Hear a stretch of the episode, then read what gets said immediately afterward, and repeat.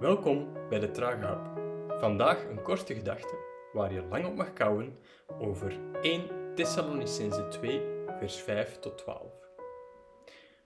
Toen ik nog studeerde, deed ik tijdens een eh, paar zomers vakantiewerk bij een chocofabriek. Liefst nachtwerk, omdat dat dan beter betaald werd. Ik herinner me nog goed hoe ik in het holst van de nacht aan zo'n band zat en moest checken of de wikkels van een eindeloze rij voorbijkomende uh, chocopotten wel goed zat. Zat de wikkel wat te scheef, dan werd die pot onherroepelijk uit de rij gehaald en weggesmeten. En ik vermoed dat ik af en toe wel eens uh, een chocopot met een scheve wikkel heb laten passeren. Paulus was in Thessalonica aangekomen om het evangelie van God, het koninkrijk, te vertellen.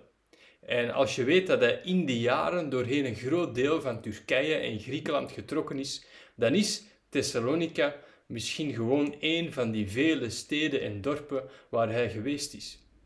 Misschien was het bandwerk geworden, de zoveelste stad om het evangelie te vertellen. Kom, eh, een paar uurtjes werk en hup, dan zijn we er weer vanaf. Niet dus. Hij schrijft dat hij en zijn reisgenoten niet alleen het evangelie gedeeld hebben, maar ook hun leven. Ze houden van de mensen in Thessalonica. Dat is mooi. Het evangelie heeft niets te maken met bandwerk. Het is geen taak die afgevinkt kan worden. Het betekent op weg gaan met anderen. Tijd nemen om te luisteren en te spreken. Samen te eten. Lief en leed te delen, zoals we dat zeggen.